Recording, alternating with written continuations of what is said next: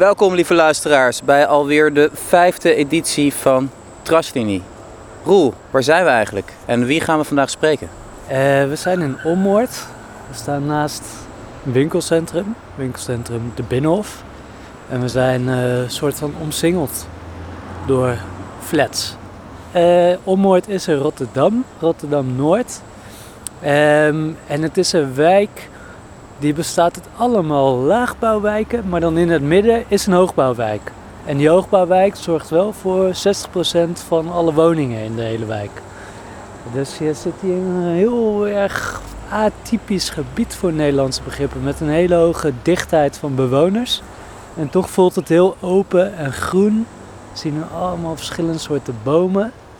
Je, het was een trend in die tijd om allemaal Nederlandse bomen in dit soort wijken neer te zetten. Inheemse bomen. Maar volgens mij zie ik daar ook bomen die er wat minder polterig uitzien. Acacia is dat volgens mij. We gaan zo meteen Hanneke Oosterhof ontmoeten. Die pikken we zo op bij de metro. En we gaan spreken over haar boek.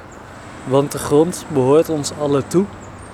En dat boek gaat over het leven en werk van de stedenbouwkundig architecte Lotte Stambezen, die verantwoordelijk is voor het ontwerp van deze bijzondere hoogbouwwoonwijk. Naar de metro? Naar de metro. Je zin in een oliebolroel? Nee. Ja. Dag. Hallo, ik ben Hanneke. Hallo. Hallo Hanneke.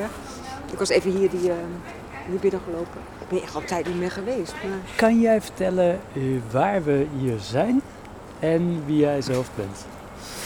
We zijn hier bij uh, de Binnenhof. Het is een uh, winkelcentrum en ook een metrostation. En het uh, ligt in Ommoord. En dat ligt weer in Rotterdam, Rotterdam-Oost. Het gebied van de Alexanderpolder. En het is ontworpen in de jaren 60 door de architect Lotte Stambezen. En ik ben Hanneke Oosterhof. Ik ben cultuurhistoricus. En ehm, ik heb een aantal jaren geleden ben ik begonnen aan een studie, een promotieonderzoek. Dus ik na mijn pensionering. Um, en ik wilde een biografie over Lotte Stambezen uh, schrijven en onderzoeken. Nou, daar ben ik mee begonnen. En toen ben ik in november, dus een jaar geleden, ben ik gepromoveerd. En uh, met ook een boek wat uitgekomen is. Dus een vertaalslag van mijn proefschrift, zeg maar. En het boek heet? Het boek heet uh, Want de grond behoort ons allen toe. Leven en werk van Lotte Stambezen. Kijk, dat is al gelijk een titel die allerlei vragen oproept en vermoedelijk heel veel vertelt over Lotte Stambezen zelf. Of Lotte Bezen, of Lotte, zoals je er in het boek noemt. Ja. Eh, maar ik ben nu benieuwd naar wat je net vertelde over de wijk Ommoord. Want je noemt het in het boek uh, eigenlijk het hoogtepunt van haar stedenbouwkundig uh, werk. En tegelijk uh, ja, wat zei ook weer? Ommoord is mijn Ommoord niet meer? Oh ja, ja mijn Ommoord was haar laatste ontwerp bij de gemeente Rotterdam. Ze was in dienst van de gemeente Rotterdam. Stedenbouwkundig architect in 1946 geworden. En ik vind uh, Ommoord haar hoogtepunt. Omdat zij het alleen heeft ontworpen en behoorlijk de vrije hand had in het ontwerp. Kleinpolder bij Overschie heeft ze ook ontworpen. Maar daar lag al een structuur van het dorp en daar lag een verkeersweg doorheen. En hier was gewoon een tabula rasa. Dus hier kon zij uh, aan de slag gaan. En ik vind het heel knap hoe ze die. Uh, het is voornamelijk hoogbouwwijk, hè? de meerderheid is hoogbouw in deze wijk. Hoe ze dat heeft gedaan met een ensembles van een geknikte flat, met een torenflat daarnaast en weer twee uh, lange flats. Ze hield niet van die hele lange muren van flats, dat noemen ze klaagmuren. Klaagmuren, mooi, oké. Okay, ja. Dus wel een soort intimiteit, dat die tussenruimte tussen die flats, met heel veel groen, bij haar is ook heel veel groen in haar ontwerpen, dat, zij, dat de mensen daar konden verblijven en kinderen konden spelen en uh, dat het niet alleen maar beton was. Nou, misschien kunnen we een kijkje gaan nemen. Even ja. kijken, welke kant kunnen we het beste uh, oplopen? Ja, dat vind ik ook. Ja, ik dacht die Zern, ik weet niet zeker hoor, want ik ben een tijd niet geweest, die Zernik uh, plaats, dat die daar ligt. En dat is ook een knikflat. We kunnen het vragen. Maar, maar jij zei net van dat de daar. Zernike plaats. Welke kant is dat? Zernike plaats. Wat zegt u? De Zernike plaats. Weet u welke kant het op is? Zernike plaats. Dat ik het niet weet. Nee? Nee, nee, nee. Misschien beter die mensen vragen. Ja, sorry. Oké, nee. Is hij niet plaats? Weet je dat? Hierachter. Ja, achter. Hierachter. Dank je Gelijk naar wel. rechts. Ja. Hartelijk gedaan. Dank u wel. Die hoge flat. 14 hoge flat. Dat is hem. Ja. Dank u. Ik vind dit, het winkelcentrum ook wel eh, mooi. Zo'n klein winkelcentrum. Het is niet veel groter geworden toen zij het ontworpen heeft, geloof ik. Het winkelcentrum is ook wel haar ontworpen. Ja, ja, ja. Laag gehouden. Je moet een beetje denken aan de lijnbaan als je hier bent. eh. Nu ook door het winkelcentrum lopen. Ja, misschien is hierboven dat het dak wat vernieuwd is, wat kan zijn. Maar ze wilden eh, bewust geen groot eh, winkelcentrum. Zoals je later krijgt bij, eh, hoe heet het, Alexander. eh Alex, Alex, Alex. Alex, ja, hoe heet dat ook weer? Bij het station. Nee, bij, Alexa bij Alexander. Ja. Alexandrium. Oh ja, dat was het. Ja. Dat is een giga groot winkel. eh Dat zit bij. Rotterdam Alexander. Dat zit bij Rotterdam Alexander, ja. Ga je met, het, met de metro net ook langs. Ze had eigenlijk drie metrostations gepland. Er zijn twee geworden. En die metro is er pas heel laat gekomen. Want zij ging in 1968 met pensioen. En die metro kwam pas midden jaren 80. Aha. Het kostte ook veel geld en het was een gedoe. En ze wilden hem graag onder de grond hebben, maar dat was ook heel duur. Of half verdiept, omdat er een hoogteverschil is in Noord en Zuid van drie meter, zodat je dat kon benutten. Maar dat is niet gebeurd, maar wel, wel dan uiteindelijk een metro. En tot die tijd lag deze wijk dus enigszins geïsoleerd van de, van de stad. Nou, er kwam wel gauw een bus. Een bus wel, maar zij had een hekel aan auto's en bussen. Ah, Want die stinken en maken lawaai. Dus dat was eh, alleen milieuvervuiling. En dat vond ze dus ook eh, heel erg naar. Maar ja, de mensen moesten natuurlijk naar Rotterdam. En dat is ook wel bijzonder eh, bij haar. Dat zij wilde geen, geen eh, wijk ver van het centrum van de stad Rotterdam. Hè. Dus geen Green City idee Ja. van eh, heel geïsoleerd en, en arcadisch enzovoort. En zij wilde dat er een snelle verbinding was met de stad. Want ze vond ook dat de bewoners moesten Rotterdammers zijn ja, ja. hoort bij Rotterdam. En dat, eh, ja, dat is volgens mij toch wel aardig gelukt ook hoor. Als ik zo om me heen kijk, wel ja. Ja, ja. En het is dus geen tuinstad. Het is geen een tuinstad. Nee, nee, nee, nee, nee, beslist niet. Daar was echt tegen. En ehm, eh, je, je wees hier op eh, het winkelcentrum waar we lopen. Maar he- wat ontwierp zij die dingen of was zij Nee. meer van de grote lijnen en Ja. de stedenbouwkunde? Ja, dat is een hele goede vraag. Zij was stedenbouwkundig architect. Eh, maar vooral in Rotterdam als stedenbouwkundige eh, bezig. Dus zij maakte, ze ontwierp de grote structuren. Dus Ja. hoe, hoe zo'n wijk eh, eruit moest komen te zien met de wegen, met de pleinen, met hoe de, hoe de woongebieden moesten zijn, hoe de voorzieningen moesten zijn. En er waren architecten betrokken om die gebouwen te ontwerpen. En ook het groen, ook de tuin. Dus zij was, ze tekende wel, ze kan hartstikke goed tekenen, ze heeft prachtige tekeningen gemaakt. Maar eh, zij moest echt de structuur en een overleg met de architecten. Maar meestal waren het bevriende architecten, want ze was ook lid van de Vereniging Opbouw in Rotterdam. En die is in eind jaren 50 opgehouden te bestaan. En zij had eh, ja, een hele goede band, was zelf ook lid van opbouw. En Pendrecht bijvoorbeeld, ook in Rotterdam, die internationaal nogal bekend geworden is door die wooneenheden die ze bedacht heeft. Ehm, dat heeft ze samen met de architecten van opbouw ontworpen. Vooral Ja Bakema. Maar dit dus alleen, wel een verkeerskun verkeerskundige en ook wel tuinarchitecten waren er wel bij betrokken. En opbouw was een soort powerhouse van eh, modernistisch georiënteerde architecten hier in Rotterdam. Ja, een vereniging van moderne architecten. Ja. Je had de opbouw in eh, Rotterdam en de acht in Amsterdam. Met Cornelis van Eesteren als een ja, soort voorzitter van het geheel. En internationaal presenteren zij zich op de SIAM-congressen. Congres Internationaal Architectuur Moderne. En lieten ze ook hun ontwerpen zien. Maar Ommoord valt daarna. Toen was het al opgeheven. Dus die samenspraak heeft ze niet gehad. Dat vind ik extra knap van haar. Hè? Ja. Dat ze dat toch alleen zonder die samenspraak van de architecten heeft gedaan. Ja. En ehm, klopt het dat dit eigenlijk de eerste hoogbouwwijk of hoogbouwwoonwijk van Nederland is? Dat klopt, ja. Oké. In 62 heeft ze het eh, opdracht gekregen. En in 1965 eh, werd de eerste paal eh, in de grond gezet. En dat is net een jaar voor de Bijlmer in Amsterdam, de Bijlmermeer. Net een jaar later, want dat was in 66 de eerste paal. En hier kwamen de eerste bewoners van de eerste flats in 67 en in de Belmer in 68. Ik had me dat ook nooit gerealiseerd Nee. toen ik met dit onderwerp begon. Ja. En eh, ik had wel eens van Ommoord gehoord maar, en wist ook dat er veel hoogbouw was. Maar dat het eerst in het land was, dat wist ik niet. Maar ja, uh, Ommoord heeft nooit zoveel ehm persaandacht gekregen in die tijd toen het eh, opgeleverd werd. In tegenstelling tot de Bijlmer, waar allemaal stukken voor de televisie allemaal alles verscheen. Hè? De Amsterdammers waren heel trots op. Utopisch en verschrikkelijk dystopisch. Hè? Het kwam gelijk allebei. Ja, dat ging slecht daar, ja. Maar ik heb het wel gevraagd aan een PR-medewerker van Rotterdam, die ook Lot eh, heeft goed gekend heeft. En die zei, nee, we waren helemaal niet zo gericht op te promoten dat ommoord. Hè. Pendrecht was al bekend en internationaal. Er kwamen hier hoorders, architecten. We hadden en de binnenstad die na de wederopbouw moest worden opgebouwd. En we hadden de haven. Dus we dachten helemaal niet meer na om nog eens deze wijken te gaan promoten. Dat hebben ze nooit gedaan. Grappig. Chill. Maar het is, het is kleiner dan de Belmer, denk ik. Het is veel soort- kleiner, ja. Dit was voor 30.000 en de Bijlmer voor 80.000 in eerste instantie. En, eh, dus dit was, ja, dit was al vijf keer zo groot, de Bijlmer. Dus dat is anders. En de Bijlmer ligt ook verder af van de city van Amsterdam Ja, dan dit.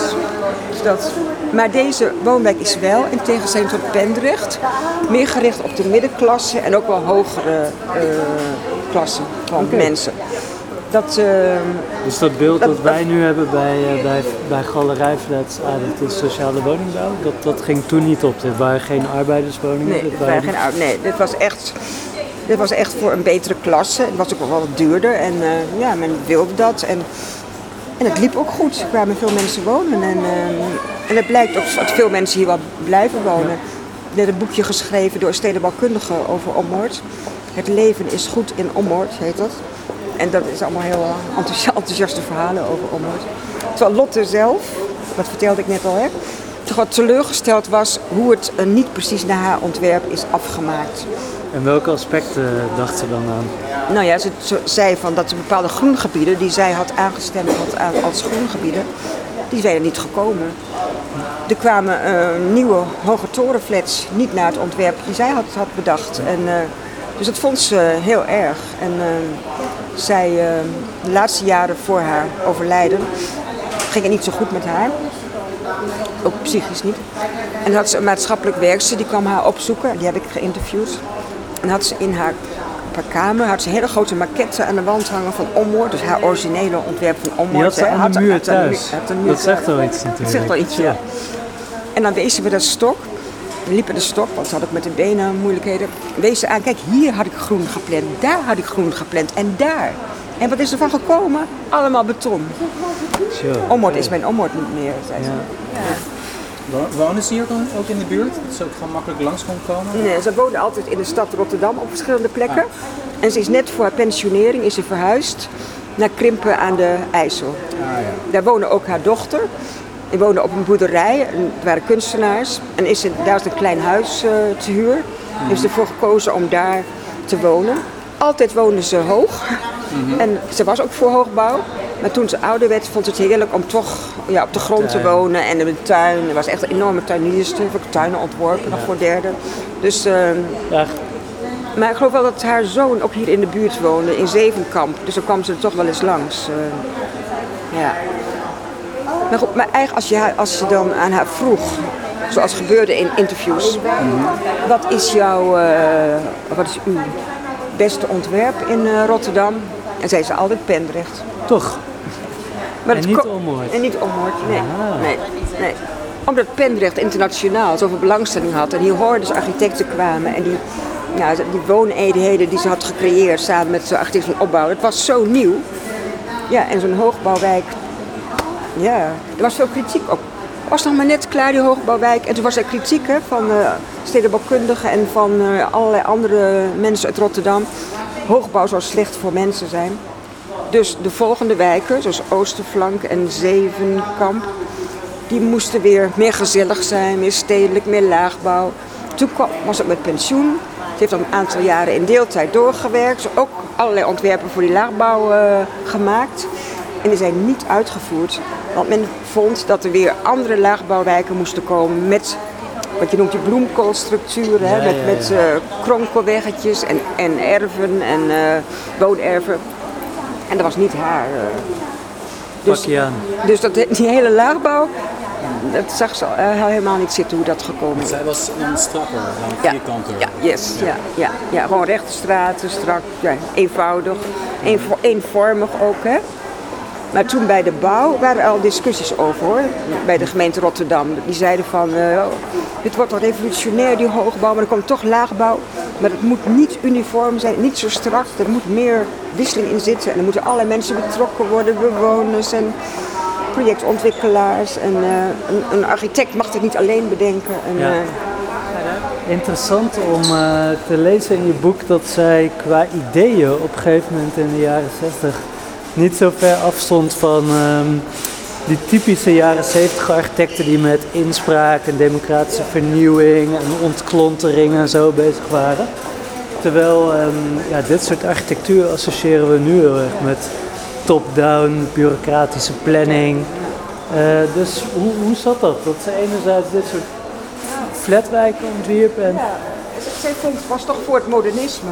Maar ze vond wel, vooral toen ze ouder werd, ze heeft ze nog een keer op een symposium daar een, eh, een eh, voordracht over gehouden, dat de mensen meer inspraak moesten hebben in hun woningen. Oké. Zodat ze ook zelf, zelfs ging ze zo ver met het idee van, eh, ja, voordat je gaat ontwerpen en bouwen, dan moet je de toekomstige bewoners vragen wat ze willen. En, en ook dat je de, de, de huizen niet helemaal afmaakt. Hè? Dat mensen zelf een indeling kunnen maken met waar ze de keuken willen hebben. Waar ze dat, dus dat, Soort dat had ze wel. Ja.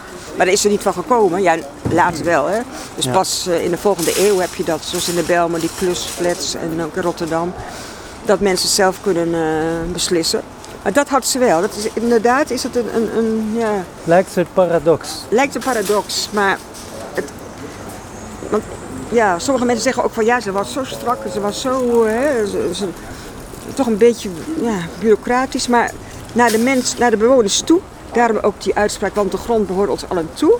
Ze vindt de grond hoort bij alle, alle mensen, bij ons. Wij moeten ook verantwoordelijk zijn voor die omgeving. En eh, dat had ze toch wel. Het, is, misschien- het is een klein beetje een paradox, maar het vult elkaar ook alweer aan, denk ik. Maar zat dan die vrijheid van de bewoners dan vooral aan de binnenkant en dat het dan aan de buitenkant vooral uniform was en aan de binnenkant pluriform? Zou je dat zo kunnen zeggen? Ja, dat zou je misschien zo kunnen zeggen. Daar heeft, daar heeft ze zich niet zo expliciet over uitgesproken. Hoor. Het ging haar vooral over die inrichting van die huizen en eh, hoe ze dat wilde hebben. En de omgeving daarbuiten minder. Daar, daar, had ze, daar heeft ze niet zo eh, expliciet over gesproken. Het is wel een hele politieke uitspraak, denk ik. hè? Want de grond behoort ons allen toe. Ja. Is dat eh, typisch voor haar eh, politieke oriëntatie? ja, dat kun je ook zeggen. Dat zij, zij was een eh marxiste. Ze is in Tsjechoslowakije lid van de communistische partij geweest. Waar is ze? Ze is geboren in Silesië. Ze is geboren in Silesië. Het Bauhaus in Dessau gevolgd een aantal jaren. In de Sovjet-Unie gewerkt. Of daarvoor nog in Duitsland op plekken. Tsjechoslowakije, de Sovjet-Unie. En toen met Bart Stam, haar man. Vandaar ook Stam Bezen. Ze zijn gescheiden, maar ze heeft de naam Stam aangehouden. Hier naartoe gegaan. Maar het is ook zo dat zij tegen privé grondbezit was. Dus in die zin kan je ook die uitspraak eh, vertalen. Dus kan tegen privé tuintjes ook en dat soort dingen? Dat, of... Ja, privé grondbezit. Want zij wil, vond toch dat het van iedereen moest zijn. Maar toen ze ouder was en ze woonde daar in Krimpen aan de IJssel op het erf bij haar eh, dochter en schoonzoon en de kinderen. Toen eh, was van de gemeente Krimpen.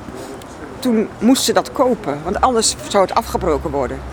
Dus heeft ze met pijn in haar hart, heeft ze het toch gekocht. Toen En had ze. En eigenlijk was het helemaal niks voor haar. Maar ja, ze had geen alternatief.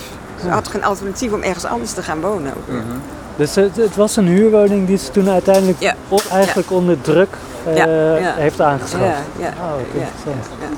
Een ander, eh, een ander citaat van haar eh, dat ik las rondom uw boek was: Al wonende worden wij alle stedenbouwers. Bouwers, ja. Ja, dat, ja, dat onderscheidt over. ja, dat hangt een beetje samen met waar we het net over hadden. Hè? Dat als je een, ehm, een huis bewoont, dat je eigenlijk ook inspraak moet hebben ehm, als er iets veranderd moet worden. En dan in die zin ben je ook stedenbouwer. En je draagt ook mee door de omgeving. Want ze was heel erg alert op de omgeving, die moest ook netjes gehouden worden. Want, en dat moest ook, mensen moesten met elkaar allerlei dingen doen en, en spelen en, Mhm. en gezellig. Ik kwam er ook niet altijd van. Dus in die zin, dat woord stedenbouwer, als je ergens woont, dan ben je niet alleen bewoner, Mhm. maar door wat je doet en denkt, ben je ook een stedenbouwer. Maar, maar bij, mij, ja, Ja. bij mij roept het natuurlijk meteen de vraag op van... Zij was natuurlijk de stedenbouwer. Eh, dus makkelijk voor haar om dat te zeggen. Van hoe, hoe zat dat dan precies? Zeg maar, ging zij, ehm, had ze veel contact met de bewoners? Hadden die veel inspraak in, haar, in de plannen die zij maakte? Nee, dat was toen helemaal niet aan de orde in die tijd. Dat was gewoon helemaal niet zo. Nee, nee, nee. Dus haar ideeën, eh, wat ik net vertelde over dat, dat de bewoners wel iets zelf eh, in de melk eh, te brokkelen moesten hebben. Dat was gewoon futuristisch, want dat was toen niet Ah, aan de orde. ja, ja. Pas later, toen die woningbouworganisaties ook wat actiever. Dat heb je in Rotterdam dan later in de jaren 70. Hè, dan heb je die oude wijken die dan vernieuwd worden. En dan heb je veel meer inspraak. En dan heb je de P van de, P van de A die aan de macht, ja, aan de macht komt. En, Dus dat is een andere periode eigenlijk dan toen waar zij, zij eh, leefde. Ah, Ja, zij heeft echt eigenlijk de, de, de, de hoogtijdagen van, de, van het publieke planningsapparaat meegemaakt. En de, en de, de welvaartsstaat Ja. die Ja, wijken neerzet. ja, ja, ja. ja. En, en, het, en het misschien beter weet wat, wat de burgers willen dan de burgers zelf. Nee, want ze zei ook wel eens een keer in een interview hè, dat ze dan, eh, ook hier over Ommoord, werden ook mensen geïnterviewd hoe ze dat vonden. En zij had bijvoorbeeld ook ehm, gemeenschappelijke ruimtes gepland in eh, die knikflats en in die torenflats. Dat mensen ook ja, spelletjes konden doen of, of met elkaar konden praten. En dat is niet allemaal uitgevoerd. En dat vond ze ook wel erg. En dat werd ook gezegd in een film door bewoners, hè, dat ze dan toch een beetje eenzaam waren en zo. En, eh, ja, dat vond ze ook wel. Maar ze was niet een type om nou eh eens een avond te gaan beleggen, om daar met mensen om de tafel over te gaan praten. Nee, Mhm. daar had ze toch de afstand voor, wat jij ook zegt, van eh, zij is de stedenbouwer en ja, zij is de autoriteit. Mhm. Dat wel. Kan je iets eh, vertellen over ehm, haar eh, belang als, eh, als vrouw in een mannenwereld? En in, in, in een discipline die toen nog helemaal Ja. gedomineerd Ja. werd door mannen. Ja, het is gewoon uitzonderlijk dat zij als vrouw is aangenomen hier in Rotterdam in 1946. En omdat ze een vrouw was, en die waren echt in de minderheid. Je had wel ook één stedenbouwkundige bij de gemeente Amsterdam, toevalligerwijs. Eh Jacoba Mulder. En ook nog een ander punt, dat zij Duitser was. hè. Ze was Duitser. Na de oorlog. Wel. En na, de, na hier het bombardement. Dus dat was ook heel bijzonder dat ze aangenomen was. Nee, dat was echt een uitzondering. En als je ook kijkt bij die Siam-congressen, dat waren werkelijk alleen maar mannelijke architecten. Soms echtgenoten gingen dan wel mee. Had ook wel een, een, een Tsjechisch eh, eh, echtpaar wat kwam. En later ook de Smithsons in eh, Londen. Dat waren man en vrouw. Ook vaak waren dan die architecten met elkaar getrouwd. En, hè, terwijl zij was only the lonely. En dat was uitzonderlijk. En dat, ehm, zelf heeft ze gezegd dat ze hier niet ehm, aan door geleden heeft. Dat zij werd niet serieus werd gezien als vrouw. En ze had ehm, haar baas van Tra, dat was ehm, Cornelis van Trouw. Cornelis van Tra. Was volgens mij niet echt zo'n macho type, wat ik zo eh, begrijp. Maar dat was haar baas? Was haar baas. Nee, bij de eh, stadsontwikkeling in Rotterdam. Hij was directeur stadsontwikkeling. En zij was uh, architect en later eh, ook nog hoofdarchitect. En dat was meer gewoon een, een hogere positie, maar niet, was geen chef. Dat was ze niet. Maar ehm, ik heb gesproken met mensen die ook samen met haar werkten. Die PR-medewerker. En die zeiden dat ze af en toe wel flinke ruzie had, hadden. Dat de potloden dan naar elkaar werden gegooid. Zo, eh, maar dat het dan toch alweer goed kwam. En die, die eh, PR-medewerker zegt ook dat, ze een beetje, dat zij, dat hij, dat hij een beetje bang voor haar was. Oké, Maar van Tra. die van Tra, dat kan ik ook een beetje voorstellen als ik ook over haar lees. En eh, ik heb haar dus niet gekend, maar eh, hoe andere mensen, maar wel vrienden van haar, van de jongere generatie, heb ik geïnterviewd. Ze was geen gemakkelijke mens, geen gemakkelijke vrouw. Een beetje een, intimiderende aanwezigheid zin. Ja, ja zo, zij wist wel hoe het zat en eh, duldde ook niet veel kritiek. En aan de andere kant moest ze natuurlijk wel, om, om hier haar positie te houden, hè, moest, ze natuurlijk niet, moest ze niet eh, verlegen en eh, stil zijn. Ze moest zich natuurlijk laten horen, dat wel. Maar het was niet een heel beminnelijke vrouw. Dat hoor je van de Jacoba Mulder, die bij Van Eesteren werkt in Amsterdam. Van haar leeftijd, dus in Delft gestudeerd. Niet zo'n internationale achtergrond dan Lotte. En die is later ook nog hoofd geworden van die afdeling. Maar daar, wat je daarover leest, kon ze dat allemaal niet zo aan. Was zij veel bescheidener dan Lotte. Maar mi- misschien had, had ze ergens die karaktertrekken nodig om zo'n eh, pioniersrol eigenlijk te kunnen vervullen. Ja, misschien wel, maar wat ik zo lees, vroeger als kind was ze ook al behoorlijk eh, van de tongriem gesneden. en wist ze ook wel. eh. En ze had wat nare persoonlijke ervaringen met relaties achter de rug. Op het Bauhaus. Op Bauhaus, Hannes Meijer, directeur van het Bauhaus, werd ze verliefd, of ze werden allebei verliefd op elkaar. En hij was veel ouder dan haar en getrouwd en kinderen. Ze is zwanger van hem geworden en zij moest vanwege de relatie van het Bauhaus af. Nou, die relatie die heeft totaal geen stand gehouden. Dus zij, Toen- zij moest wieberen. En hij, Zij moet, ja, dat kun je dan zich gewoon niet voorstellen. Zou het andersom zijn natuurlijk, hè. Maar hij, is- ja, hij dacht dat zijn positie in gevaar kwam. Terwijl hij wel ook zei dat hij van haar hield en dat ze ja, toch een intieme relatie hadden. Maar toen dat uitkwam op het Bauhaus, na een paar maanden, toen eh, schreef hij haar in de kerstvakantie een brief dat zij moest gaan. En dat vond iedereen bij het Bauhaus, tenminste al die, docenten dan. En toen kreeg ze een relatie met, met Mart Stam, bekende Nederlandse ontwerper en architect. Ze ontmoette hem in de Sovjet-Unie en ze kende hem al van het Bauhaus, daar was hij gastdocent. En toen moesten ze samen een bureau oprichten in Amsterdam. Ze, werden ze waren genoodzaakt om uit de Sovjet-Unie te vertrekken. Gelukkig zijn ze geen slachtoffer geworden, want dat had ook gekund. waarvan? Nou ja, van dat modernistische architecten moesten verdwijnen of gingen de cel in of, of werden vermoord. Omdat Stalin voor Ja, het traditionalisme. Ja, ja, ze zat net in de periode van Stalin, eh, waren ze daar. Nou, toen hebben ze in Amsterdam het bureau opgericht, Stam en Bezen Architecten. Nou, Stam was vooral de architect en zij vooral de binnenhuisarchitect. En ze hebben ook grafische ontwerpen gemaakt. Het was heel veelzijdig ook. Maar dat, is, dat ging moeilijk, samen. En ehm, ze zijn toen ook gescheiden, na een jaar of acht, negen. Nog een dochter gekregen. Dus dat waren ook eh, ervaringen. Hè? Als je twee mannen, waar je toch echt behoorlijk eh, verliefd op was. Als, je- als die weg zijn, ja, dat was wat verbitterd ook, vind ik.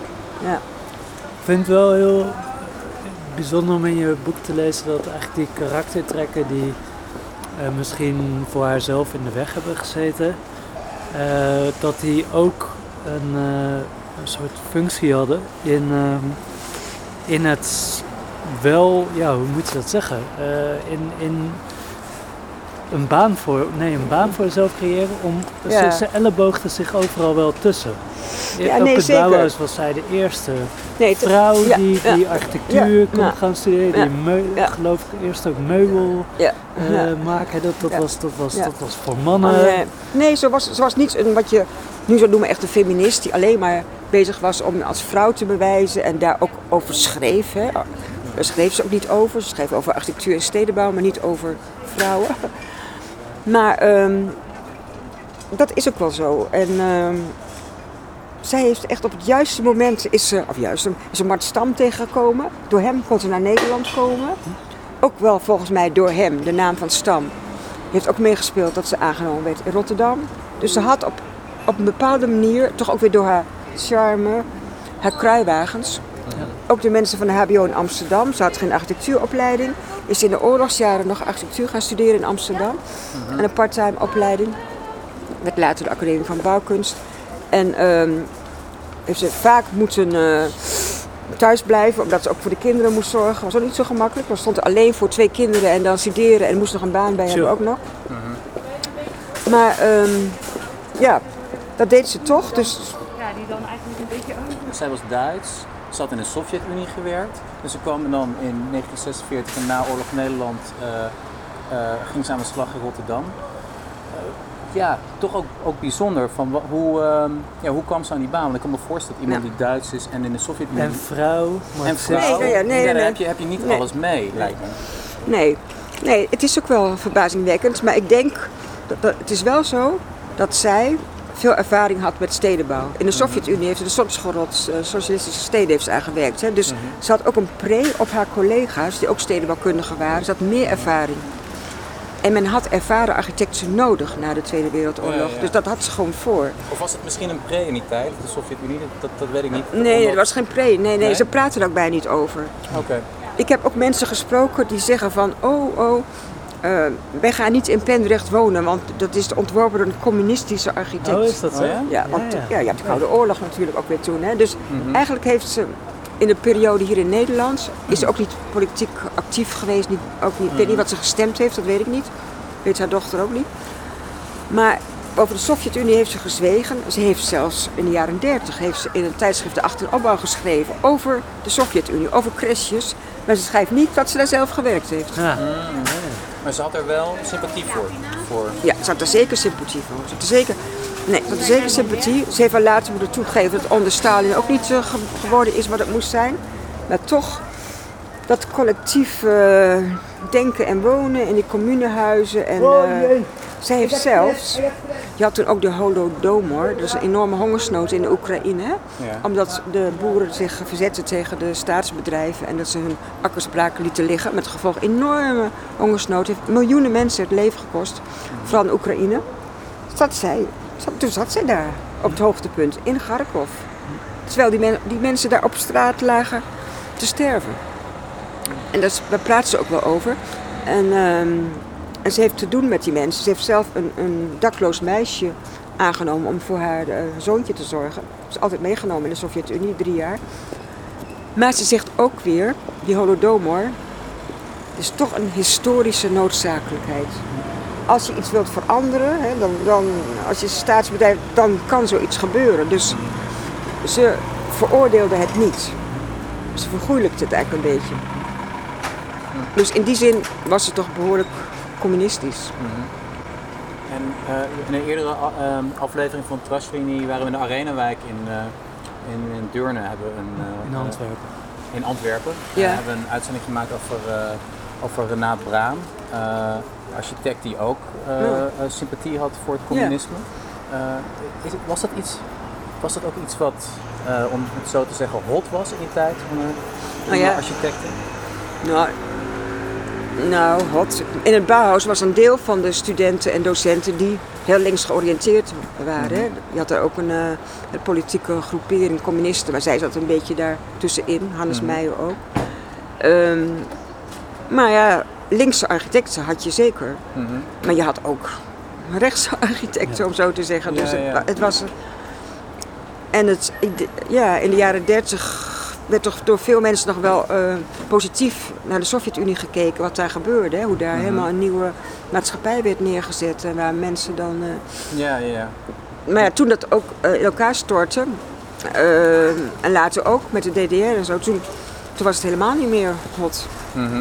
ja, zeker. Dus dat is nu eigenlijk heel anders. Nu, ja. Anders, ja, nou ja, nu is het heel anders. Mhm. Maar wat ook heel anders is dat toen, ook met die vereniging eh, de achter- en opbouw, de architecten bij elkaar kwamen, avondenlang. Mhm. En met elkaar spraken over hoe zullen we die woonwijk doen hè? En, en hoe moeten we dat aanpakken en zo. Een hele bevlogenheid. Maar ook dat gemeenschappelijk om het samen te doen met elkaar. Tot tegenwoordig ben je als architect, heb je een bureau en ja, je ben je aan prijsvragen en dan zie je anderen. Ja, klinkt gechargeerd zeg ik het nou, maar je hebt niet zo dat nou architecten bij elkaar gaan zitten. Hè, wat zullen we nu eens gaan ontwerpen of met z'n Nee. allen? Of, eh, ja. En ook die gerichtheid op de publieke zaak. ja, Die, Ja. eh, dat vind ik toch ook wel. Daar kijk ik altijd met enige jaloezie naar. ja, Hè, ja. dat, eh, in, in de jaren 30 gold dat natuurlijk, maar in de jaren 50 ook. Ja.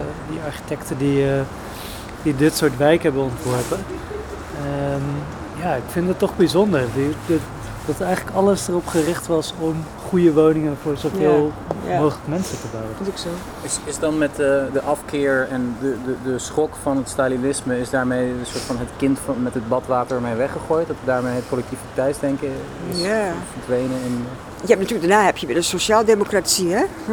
De PvdA, hier in Rotterdam ook, hè? die ook vernieuwing wilde. En, en ook dat architecten zich bewust waren van de situatie en de slechte behuizing van mensen in het eh, Oude Westen, zoals het hier dan heet.